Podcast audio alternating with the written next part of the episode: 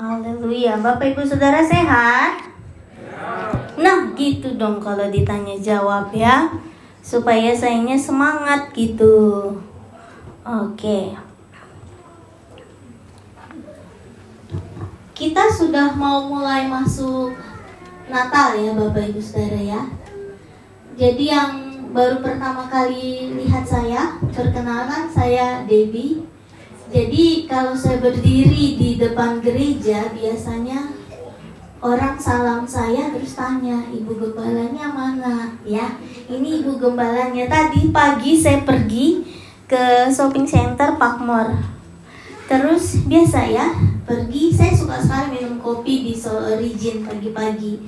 Minum kopi terus suami saya ya kita baru bangun tidur gitu ya dengan pakaian yang baru bangun tidur pergi ke shopping center terus minum kopi. Suami saya dengan begitu confidence dia bilang saya mau masuk Telstra mau masuk Optus katanya. Tapi baru bangun tidur celananya lecek-lecek karena bangun tidur bapak ibu saudara. Terus sana dia tengah tengok tengah tengok nggak ada yang sapa saudara ya. Ya ya itu yang dipandang oleh manusia apa yang kelihatan. Tetapi kita tahu bahwa Tuhan memandang kita sampai kedalaman hati kita. Amin Malam hari ini kita mau belajar kenapa ada Natal. Ada yang tahu kenapa ada Natal? Oke, makanya kita beribadah ya supaya kita tahu kenapa ada Natal. Kita buka kitab kita di Mika. Mika 5. Kok Mika dipanggil-panggil sama Oma katanya? Oke, Mika 5 ayat 2 sampai situlah kira-kira ya. Sudah dapat Bapak Ibu Saudara?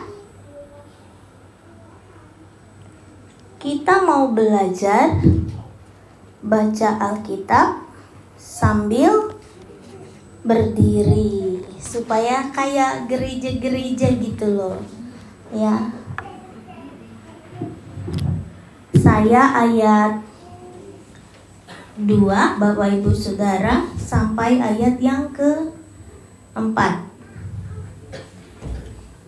Mika 2 ayat 2 sampai 4 demikian firman Tuhan. Tetapi engkau hai Bethlehem Efrata hai yang terkecil di antara kaum-kaum Yehuda daripadamu akan bangkit bagiku seorang yang akan memerintah Israel yang permulaannya sudah sejak purbakala, sejak dahulu kala.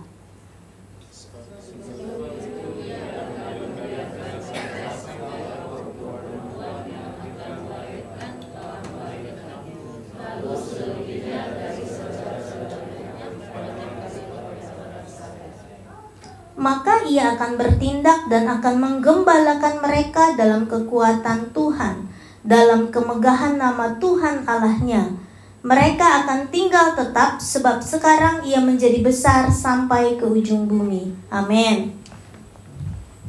Silahkan duduk Bapak Ibu Saudara. Jangan berdiri terus ya. Oke.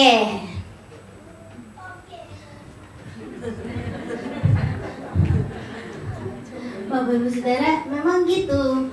Jadi uh, kalau ada anak sekolah minggu saya biasa dipanggil oma. Kadang-kadang ya kalau ketemu kayak tadi uh, Ipin, Empin selalu bilang Hai oma let's play katanya. Jadi ya memang udah begini ya jadi dia mau diajak main jadi dipikir temannya gitu ya. Padahal emang iya. Nah bapak ibu saudara kita mau bicara kenapa sih ada Natal? Ada yang tahu kenapa ada Natal karena coba kalau ceritanya jawab gitu. Kenapa ada Natal? Iya, kenapa ada Natal Tuhan Yesus lagi? Yeah. Jadi begini Bapak Ibu Saudara. Saya mau mengajarkan malam hari ini bahwa manusia adalah sosok yang sangat penting di mata Tuhan. Saudara dan saya adalah sebuah ciptaan yang sangat penting di mata Tuhan. Manusia adalah ciptaan yang sangat penting di mata Tuhan. Setuju? Amin.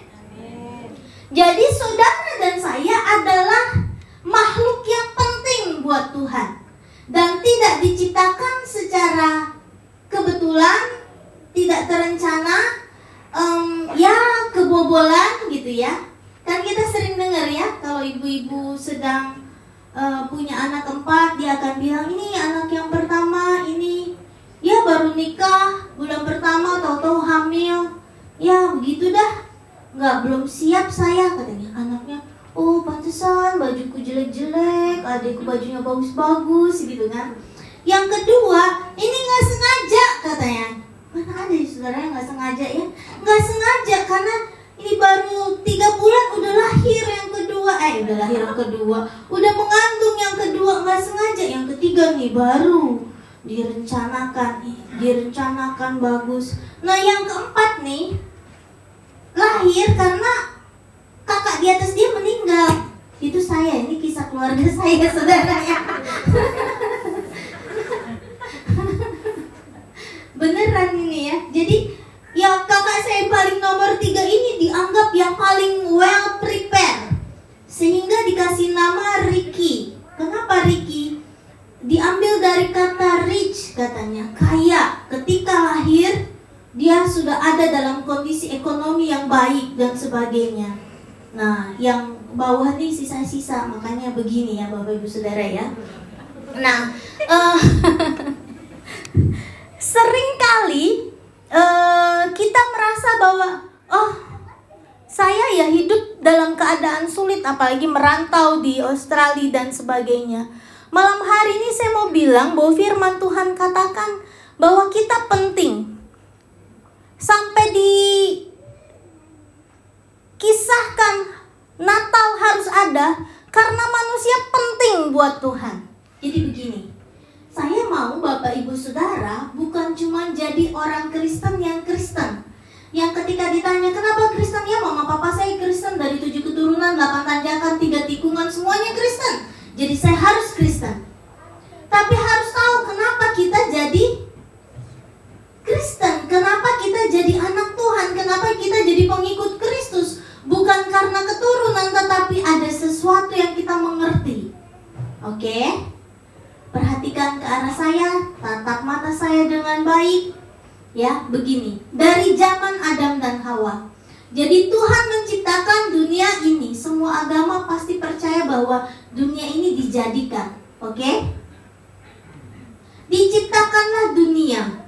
Diciptakanlah gelap, terang, diciptakanlah tumbuhan dan sebagainya terakhir diciptakanlah manu manusia.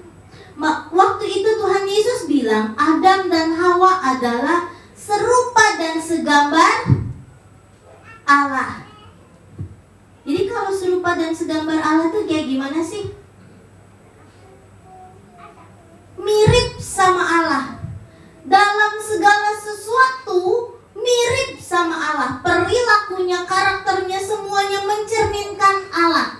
Sama seperti kalau saudara lihat anak saya mencerminkan bapaknya. Ya kan? Mencerminkan bapaknya. Kalau jalan sama saya dianggap hmm, jalan sama pengasuhnya ya. Kalau jalan sama Bang Kristus semua orang tahu oh, anaknya mirip banget sama bapaknya. Sama saudara. Kesukaannya juga sama, dia suka sekali main komputer dan sebagainya, serupa dan segambar. Itu yang Tuhan maksudkan. Tetapi kemudian Adam dan Hawa jatuh ke dalam do dosa. Sampai sini paham ya? Jatuh ke dalam dosa sehingga yang tadinya bumi diciptakan indah untuk kehidupan manusia itu menjadi rusak karena jatuh dalam do dosa.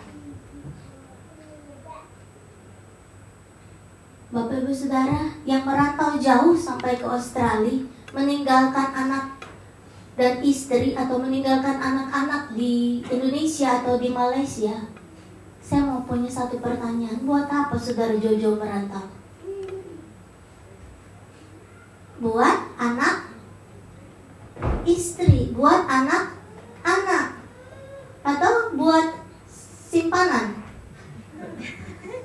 yang di sini, atau buat apa? Pasti buat keluarga di yang kita tinggalkan supaya punya kehidupan lebih baik. Apakah kita punya cita-cita? Ya udah, saya bekerja di sini sekeras-kerasnya. Terus kita kirim uang banyak-banyak, Regi dengerin ini khotbah buat kamu ya. Kita kirim uang banyak-banyak buat anak kita, terus kita akan bilang apa? Nak, sampai jumpa di kehidupan yang akan datang. Begitu?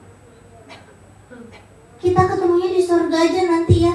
Yakin benar masuk surga? Orang di Australia berbuat dosa terus? Kita akan bilang sampai nanti kita jumpa ya. Begitu nggak? Begitu nggak Regi?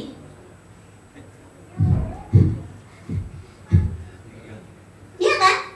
Mau jumpa sewaktu Brusio masih hidup dan masih sehat kan? Selagi kamu juga masih sehat kan? Bukan mau ketemu di surga nanti pakai baju putih atas kepala mahkota emas. Bukan kita mau jumpa dalam keadaan masih hidup, masih sehat dan ketemu hai. Even ketemu dalam kondisi, wih anaknya Pak Regi udah besar. Wah Brusio udah besar. Tapi bapaknya apa? Bangga ketemu dengan anak yang sudah besar apalagi sama gitu ketika sampai di sini Brusio ternyata bisa main gitar gitu ya sama kayak Regi kalau main gitar itu yang Tuhan mau dengan kita sebagai ciptaannya ketika Adam dan Hawa jatuh dalam dosa semua manusia lahir berketurunan beratus-ratus keturunan berpuluh-puluh juta keturunan sampai saat ini semuanya hidup dalam dosa dan kita tahu upah dosa adalah ma maut sehingga tidak akan terjadi perjumpaan antara Allah yang kudus dengan manusia yang penuh dengan dosa. Kemudian Alkitab bilang berjanji ketika Adam dan Hawa jatuh dalam dosa, Alkitab bilang bahwa akan ada keturunan dari Adam dan Hawa yang akan menyelamatkan dunia ini. Gitu ya. Sampai sini Bapak Ibu Saudara bisa ikutin ya akan ada dari keturunan Adam dan Hawa. Kemudian kita lihat, diciptakanlah Abram, Abraham. Tapi kemudian Abraham di situlah simbol pertama. Ishak harus mati, hampir dikorbankan sebagai ganti penebusan do, dosa. Kemudian datang lagi raja berikutnya yaitu Raja Da, Daud supaya cepat aja nih. Raja Daud. Memerintah Israel oh dialah raja yang akan membawa dunia ini kepada sebuah kedamaian kebenaran peraturan-peraturan yang mendatangkan kebaikan. Tapi ternyata ti tidak. Apalagi Salomo waduh. Saudara tahu Daud kenapa Daud jatuh dalam dosa dan tidak mungkin orang yang berdosa menjadi raja di atas segala raja. Salomo lebih-lebih lagi gitu ya. Terus tapi kemudian tadi di kitab Mika dibilang apa? Bahwa engkau hai Bethlehem Efrata, hai yang terkecil di antara kaum-kaum Yehuda. Jadi Alkitab sudah mengatakan bahwa Yesus akan lahir, juru selamat, Mesia akan lahir dari keturunan Yehu, Yehuda. Di situ dibilang, Hai yang terkecil di antara kaum-kaum Yehuda. Saudara, makanya saya nggak malu jadi orang kecil. Karena Alkitab bilang, Hai Bethlehem Efrata yang terkecil di antara kaum-kaum Yehuda. Daripada mau akan bangkit seorang yang akan memerintah Israel. Ya, maka dari keturunan Yehuda ini, kemudian setelah Salomo di Alkitab, yang baca Alkitab tahu ya, ada nabi-nabi besar, ada nabi-nabi kecil. Nabi-nabi kecil itu yang mana sih? Yang mulai dari Amos, Obaja, terus sampai Zakaria, sampai kitab yang terakhir ini nabi-nabi kecil tapi tidak juga dijumpai juru selamat. Semua yang punya Alkitab kertas dalam bentuk buku di tengah-tengahnya ada kertas kosong. Ya. Dari Maliaki sampai Matius ada kosong. Ini ada masa di mana Tuhan tidak berbicara dengan manusia dengan imam-imamnya, dengan para nabinya. Allah diam baru kemudian bicara lagi di kitab Matius. Nubuatan tentang Yesus lahir sudah ber, beribu-ribu tahun dinubuatkan, tetapi kemudian terjadi masa hening. Kenapa hening? Karena manusia sudah buat hidup sesuka-suka hatinya. Maka akhirnya datanglah masa Yesus lahir untuk kembali menyelamatkan manusia yang sudah hidup suka-suka menjadi hidup kembali ingat kepada Tuhan. Nah, Bapak Ibu Saudara, Adam jatuh dalam dosa. Saudara, Bapak Ibu Saudara ingat ya. Ketika jatuh dalam dosa, maka Adam kehilangan persekutuan dengan Allah tidak lagi bisa bicara muka ketemu muka dengan Allah. Kemudian kita buka di kejadian 3 ayat 17. Kejadian 3 ayat 17.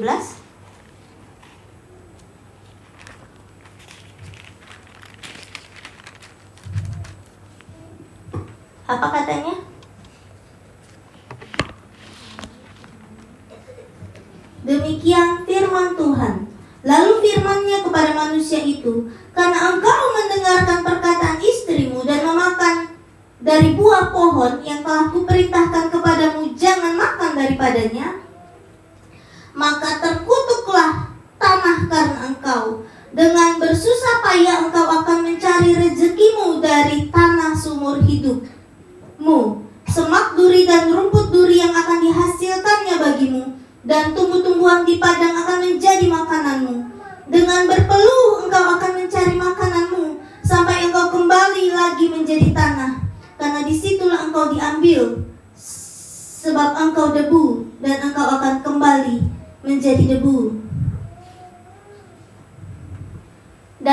istrinya juga mendapat kutukan yaitu apa? Engkau akan sakit melahirkan. Jadi Bapak Ibu Saudara yang sudah menikah, ya, karena suka sebel ya istri suaminya kerja terus gitu ya. Ini kerja terus ya, kapan sih di rumahnya? Ya memang udah kena kutuk. Brandly dan senyum-senyum ya. Ya. Ya karena udah kena kutuk, jadi maunya kerja terus.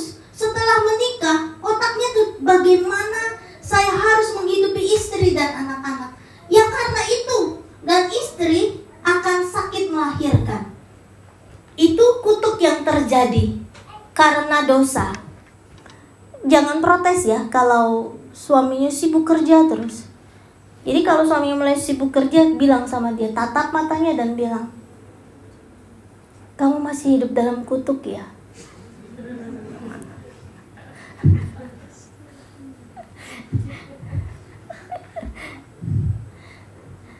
Akhirnya itu sampai sekarang terjadi. Nah, makanya setelah fase yang panjang Abraham, Daud, Salomo dan sebagainya tibalah pada kelahiran Yesus. Yesus itu dikatakan dalam Alkitab satu-satunya nabi yang tidak pernah jatuh dalam dosa, tidak berdosa. Dari zaman Adam, Hawa sampai Maleaki, semua ada dalam kondisi jatuh-jatuh dalam dosa. Cuma Yesus yang gak pernah berdosa. Adam berdosa, Yesus tidak. Kemudian di situ dibilang mendapatkan hidup yang kekal. Setiap orang yang percaya kepada Yesus akan mendapat hidup yang kekal, akan mendapat persekutuan.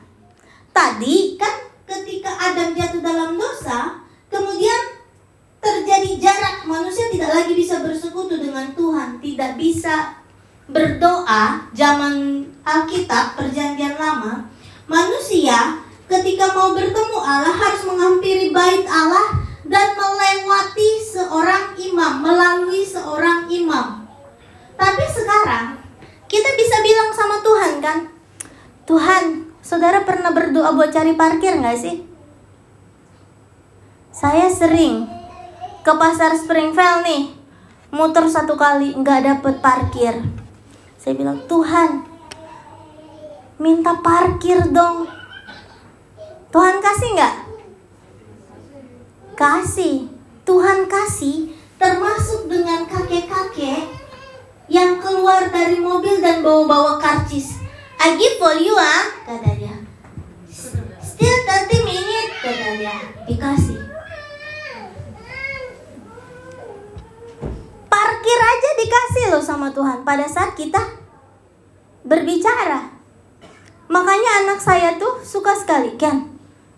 Berdoa buat parkir ya. Oke. Okay waktu mau sewa rumah yang di samping terus dia kita udah apply nih berapa satu minggu terus belum dapat jawaban mami rumah di sebelah itu kita dapat nggak? Di sebelah gereja itu kita dapat nggak sih?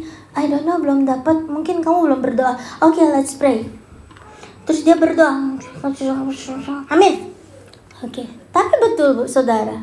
Sorenya dapat telepon oke okay, kamu di approve makanya anak saya suka sekali uh, berdoa. Walaupun kalau diajak ngomong Ken salam tante.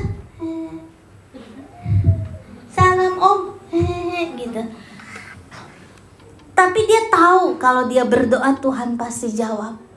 Nah ketika kita sudah percaya dengan Yesus kita punya hubungan yang dekat dengan Yesus. Kita bisa bicara kita bisa berdoa di dalam mobil kita bisa berdoa ketika kita ada dalam kondisi jatuh, terdesak, dan kita sedang pegang batang rokok terakhir dan bilang, "Oh Tuhan, what I am doing?" Ampuni Tuhan, lalu kita matiin, kita gulung-gulung, dan kita taruh. Tuhan dengar. Tuhan dengar ketika kita pulang dari sendong habis main game. Jangan ketawa saudara. Kalau ketawa ketahuan saudara pernah ke sana. Saya suka ke sana sama bapak makan steaknya. Tapi terakhir kali saya ke sana ketemu sama orang-orang yang kadang ke gereja terus dia jadi ngumpet gitu ya akhirnya saya bilang jangan ke situ lagi kasihan kita jadi satpam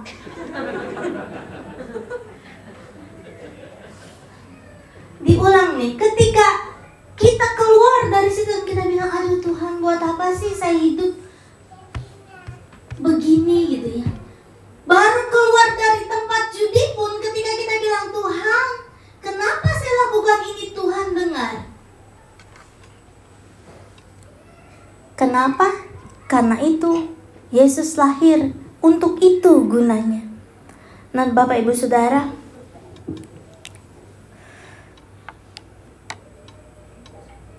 Alkitab bilang kalau kita percaya kepada Yesus, Yesus ini bukan bicara soal agama. Yesus ini bicara tentang juru selamat. Barang siapa percaya kepada Yesus, kita akan mendapatkan hidup yang kekal di masa yang akan datang dan berkat di masa kita hidup seka sekarang. Amin. Hidup yang diberkati Tuhan di masa sekarang dan hidup yang kekal nantinya. Amin. Diulang kita akan mendapatkan berkat di masa hidup sekarang. Amin. Jangan amin kalau masih dalam dosa.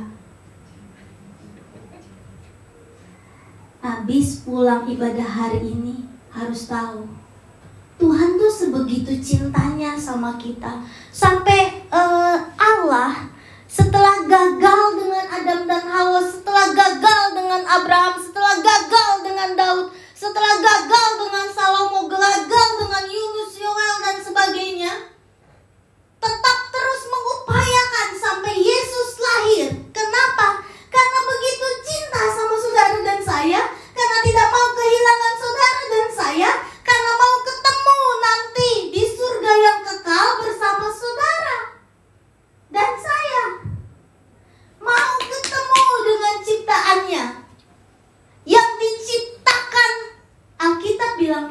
Mazmur, Tuhan menenun kita selagi dalam kandung kandungan. Dibuat sedemikian rupa meskipun orang tua kita menganggap kelahiran kita sebagai sebuah kecelakaan, tidak direncanakan, tidak sengaja, ini tidak diinginkan, tetapi ketahui bahwa Alkitab bilang Allah menenun sedemikian rupa dan Allah mau ketemu dengan yang dianggap sekeliling rusak tetapi Allah bilang aku tenun dia tenun dia dengan sangat baik amin mau ketemu dengan hasil tenunannya sekalipun ketika sudah lahir Tuhan bilang, aduh ini yang aku tenun. Kenapa hidup dalam dosa?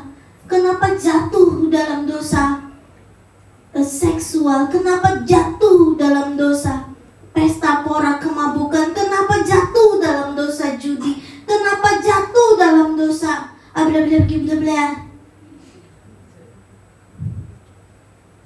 Tapi Tuhan tetap bilang, aku masih mau tunggu sampai kembali kepadaku.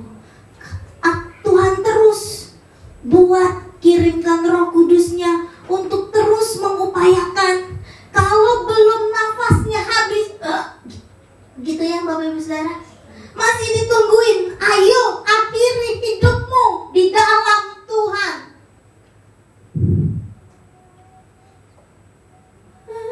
Tuhan ampuni aku. Mungkin gak kedengeran sama anaknya yang nungguin dalam kondisi sekarang. Kenapa? Tuhan mau ketemu. Itu makanya Yesus lahir, Bapak Ibu Saudara. Natal menggambarkan Yesus Allah kita Bapa di sorga sebagai pemberi pemberi yang agung ya coba kita buka Roma 5 ayat terakhir Bapak Ibu Saudara. Ibu tumben sih baca kitabnya banyak hari ini, iya nih. Supaya kelihatan kayak pendeta. Roma 5 ayat 12 15 dan 17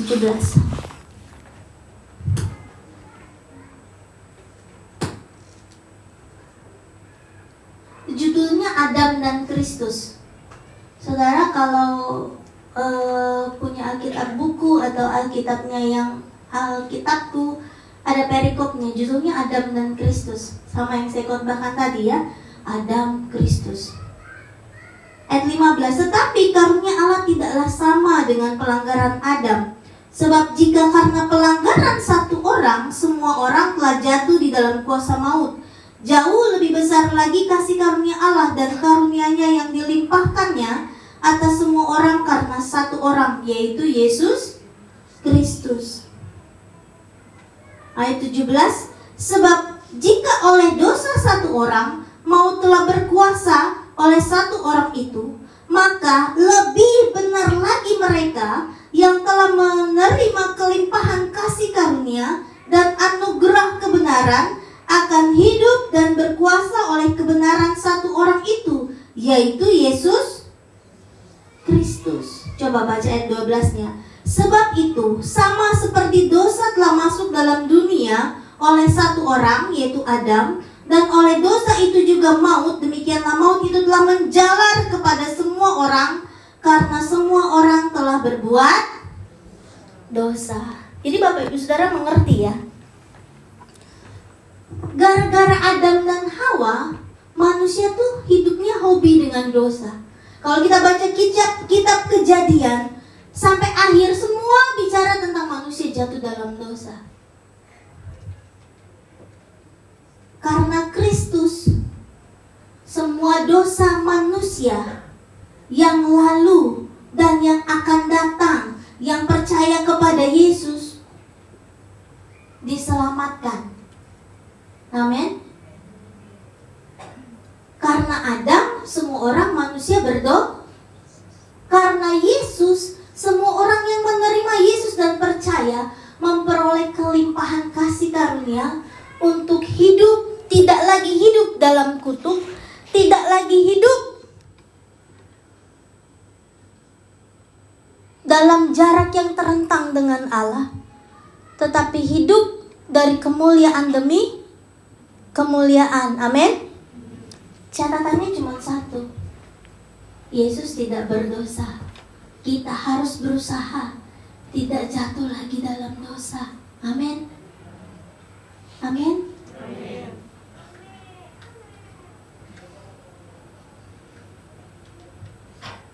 Karena Adam, kita semua manusia, hobinya main sama dosa. Tapi setelah terima Yesus nih, ya Yesus sih nggak bikin petir kalau kita lagi jalan ke dalam dosa, jeder mati gitu ya, enggak. Ketika kita mau mencuri, oh jeder, kita kebayang-bayang tangan yang kena potong gitu ya, enggak gitu. Tetapi karena kita tahu apa arti kasih karunia, Yesus lahir maka kita belajar untuk tidak berbuat dosa lagi. Bapak Ibu Saudara, saya dulu punya teman kuliah di waktu saya kuliah uh, ya waktu kuliah lah ya. Biar kelihatan kayak pintar gitu waktu di uni ya. Nah bapak ibu saudara uh, mungkin bapak ibu saudara suka dengar khotbahnya. Namanya oh saya lupa ya tadi saya ingat. Gembala GBI Gilgal Juan Mugi. Ya itu dulu teman kuliah saya. Biar keren aja ngaku-ngaku gitu. Dia bilang dia pernah kasih ilustrasi di khotbahnya begini. Kita dapat berkat dari Tuhan ya. Amin. Pada saat kita dapat dapat berkat dari Tuhan, kita dapat pengampunan dari Tuhan, kita dapat kasih karunia dari Tuhan. Berapa banyak sih yang kita kasih kepada saudara-saudara kita, teman kita, suami kita, keluarga kita? Berapa banyak sih? Nggak bisa jawab ya, susah ya pertanyaannya ya. Kalau saudara punya 10 permen, saudara bisa kasih tuh satu orang satu satu satu satu satu ketika sudah habis dikasih saudara harus balik lagi ke toko tempat beli beli lagi. Kasih lagi kasih lagi. Kalau kita dikasih pengampunan sama Tuhan Tuhan itu seperti kedainya seperti shopnya. Itu Tuhan. Kalau Tuhan kasih pengampunan sama kamu, kamu juga harus kasih pengampunan kepada istrimu, kepada suamimu, kepada anakmu, kepada keluarga. Siapa orang-orang yang jahat kasih itu pengampunan. Kalau kita dikasih berkat sama Tuhan, kasih tuh semua keluarga, suami, istri kasih, kasih semua berkat itu. Mau dikasih apa lagi? Analogikan sendiri sama Bapak Ibu Saudara. Tapi engkau nggak akan berani kasih kalau kedainya jah, jauh. Paham nggak nih? Paham nggak? Waktu hari Kamis, saya kasih Pak Galung kacang rebus. Wah, enggak ngasih kacang rebus aja ya saya kasih kacang rebus di mana nih belinya oh jauh saya bilang saya cuma kasih sama orang-orang tertentu Cielah kenapa? Karena kadang-kadang pada saat pergi ke Springfield orangnya bilang no stop oh uh, come again two weeks come again two weeks gitu. Oh susah saudara. Tapi kalau kita punya sumber yang dekat, kita gampang aja kasih eh, eh, eh, eh kenapa dekat sumbernya? Paham sampai sini? Ini yang kita mengerti. Natal tuh gitu. Meng, kalau Tuhan, kalau Bapak kita di sorga, sedemikian kerasnya usaha supaya man, manusia yang diciptakannya ini terus dekat dan akan terus bersama-sama sampai di surga nanti. Sebegitu berharganya saudara saudara dan saya. Alkitab bilang, Allah mengenal nah, namamu. Saudara suka kesel gak sih dikasih nama Debbie, Deliawati gitu ya. Ken, anak saya pernah tanya kenapa sih saya dikasih nama Ken? Ya biar kelihatan kayak anak pendeta, namanya bahasa Ibrani gitu ya. Mau salah pun mau dikasih nama Pak Ijo, kalau orang Batak kan suka kasih nama aneh-aneh, halilintar lah gitu ya. Kadang dia lihat saya dimarahin orang Batak nih. dia lihat tembok kasih nama anak tembok pengeribuan gitu ya. Ya. Papanya Yola namanya Topot. Eh Topot Topot Topot gitu. Eh itu copot ya. Ari Tonang. Eh. Tetapi Alkitab bilang mau namanya jelek kayak mana pun. Alkitab bilang Allah mengenal namamu. Amin. Sebegitu spesialnya saudara sampai Kristus harus lahir ke dunia dan membuat saudara dan saya kembali dekat dengan Tuhan dan jangan dipisahkan lagi oleh oleh dosa dan kesalahan. Saudara, saya mau bilang begini malam hari ini. Saya tutup khotbah saya malam hari ini dengan perkataan ini.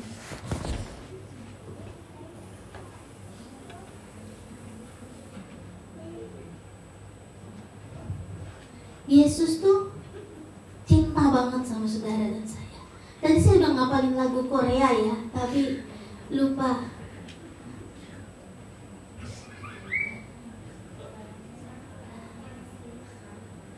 hanya kamu still love you. Lupa jadi kalau saya sudah lagi di atas malu ya saudara. Yesus itu cinta banget sama saudara. Sangat mengasihi dan tidak ingin terpisah. Artinya begini kalau Bapa kita di sorga sampai menjelma menjadi Yesus Kristus ada di dunia dan setelah Yesus Kristus naik ke surga dikirimkan Roh Kudus untuk menemani saudara tidak jatuh lagi dalam dosa. Artinya apa? Dia begitu cinta sama saudara dan saya tidak ingin terjauh dengan saudara dan saya. Begini loh Bapak Ibu Saudara. Kalau dia sampai mau turun ke dunia. Ini kata mau ya saudara. Mau turun ke dunia. Itu artinya karena cinta dan kalau dirinya saja dia berikan buat saudara apalagi sih yang saudara perlu pekerjaan, izin tinggal, izin kerja, pasangan hidup dan sebagai Tuhan pasti sediakan karena dirinya sendiri sudah diserahkan buat saudara dan saya. Paham nggak Bapak Ibu Saudara sampai sini? Paham ya?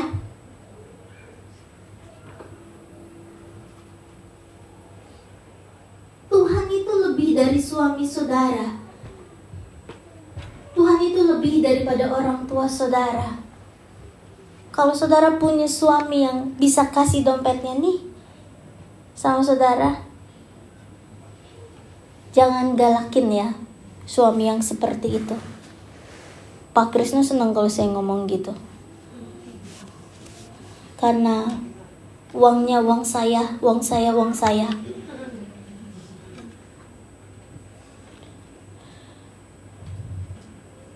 Segitunya Tuhan sama kita.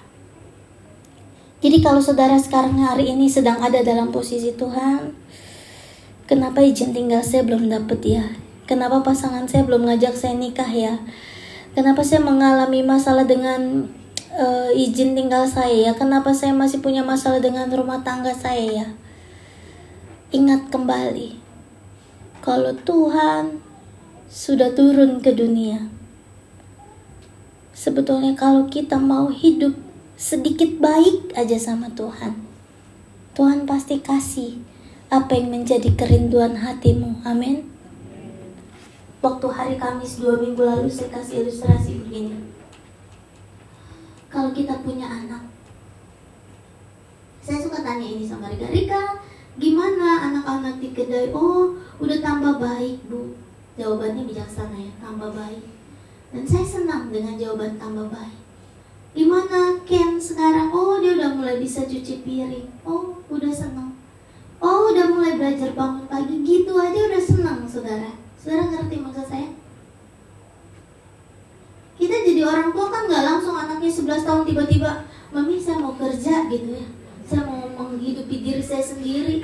Saya mau sekolah sendiri bayar sendiri. Mami nggak usah repot-repot lagi kan nggak gitu ketika dia melakukan hal nilainya tambah baik kamarnya tambah rapi eh, perkataannya makin sopan kita udah bilang aduh itu keluar iPhone 14 kasih kasih dia kasih dia gitu kan? Itu dia mau baju Natal kasih dia tiga kasih dia tiga ya kan? Karena proses yang kecil. So saudara hari ini karena Tuhan adalah pemberi maka Natal itu ada hari ini kita juga mau beri hidup kita kepada Tuhan makin hari makin berkenan di hadapan Tuhan. Amin. Jangan lagi hidup sama seperti sebelum kenal Kristus. Sekarang jauhi lah tempat-tempat yang tidak berkenan di hadapan Tuhan. Hidup-hidup yang gak berkenan, eh, jalan-jalan yang tidak berkenan, teman-teman yang tidak berkenan, hidup-hidup yang aduh jalannya ke arah miring-miring terus gitu ya. Stop firman Tuhan sampai di sini. Saya percaya Bapak Ibu Saudara akan mengerti bahwa Kristus sudah memberikan yang terbaik buat kita. Kita mau belajar memberikan yang terbaik buat Tuhan. Amin. Saya undang pemusik maju